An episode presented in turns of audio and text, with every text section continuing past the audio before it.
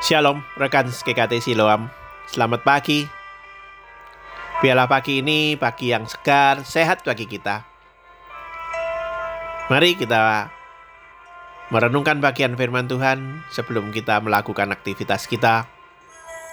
Kita berdoa secara pribadi sejenak.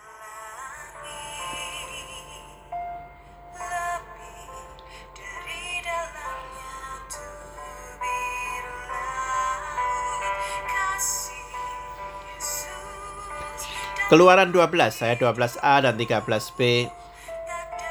Pada malam ini, aku akan menjalani tanah Mesir. Dan semua anak sulung akan kubunuh. Apabila aku melihat darah itu, maka aku akan lewat daripada kamu. Kemungkinan ada di antara kaum Israel yang tidak dapat memahami cara Allah membebaskan mereka dari tanah Mesir. Cara Allah, mereka harus mengoleskan darah anak domba pada kedua tiang dan ambang atas pintu rumah mereka. Itu adalah satu-satunya cara untuk mereka mengelak dari kematian yang akan merenggut setiap anak sulung. Boleh jadi ada yang memprotes cara itu. Bisa juga ada yang tidak melakukannya. Mereka tidak suka melihat ada olesan darah di pintu.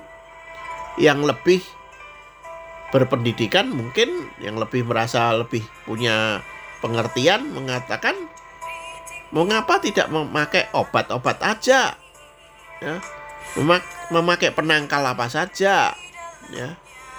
Kenapa tidak memakai pengawal apa saja untuk menghadapi eh, peristiwa itu ancaman itu? Kalau cara kita sekarang kenapa kok tidak nyewa polisi uh, nyewa detektif nyewa apa pun juga atau hansip atau apa pun juga atau ke dokter minta obat penangkal supaya penyakitnya tidak sampai membunuh atau nyewa pistol atau apa pun yang lain-lain yang dipandang perlu seperti besi, pisau dan lain-lain ya.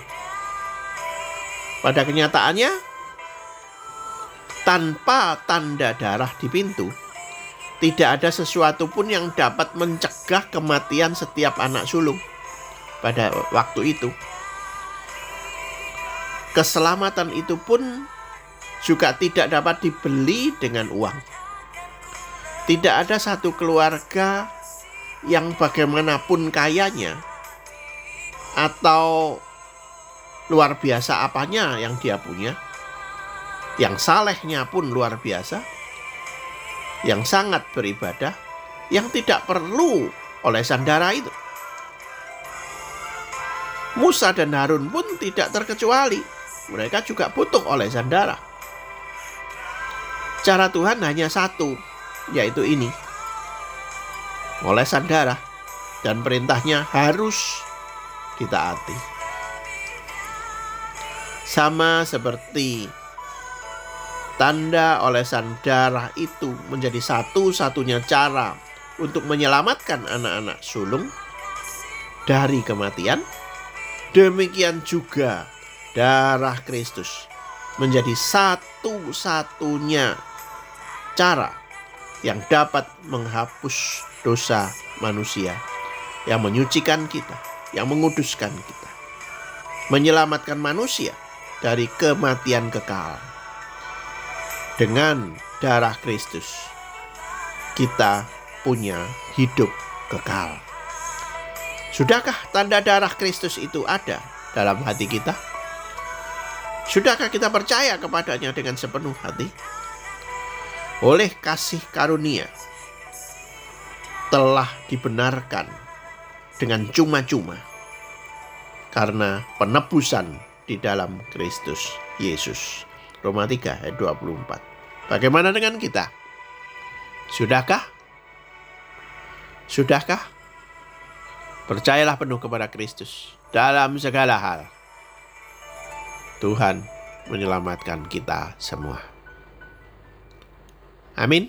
Selamat pagi. Tuhan memberkati kita semua.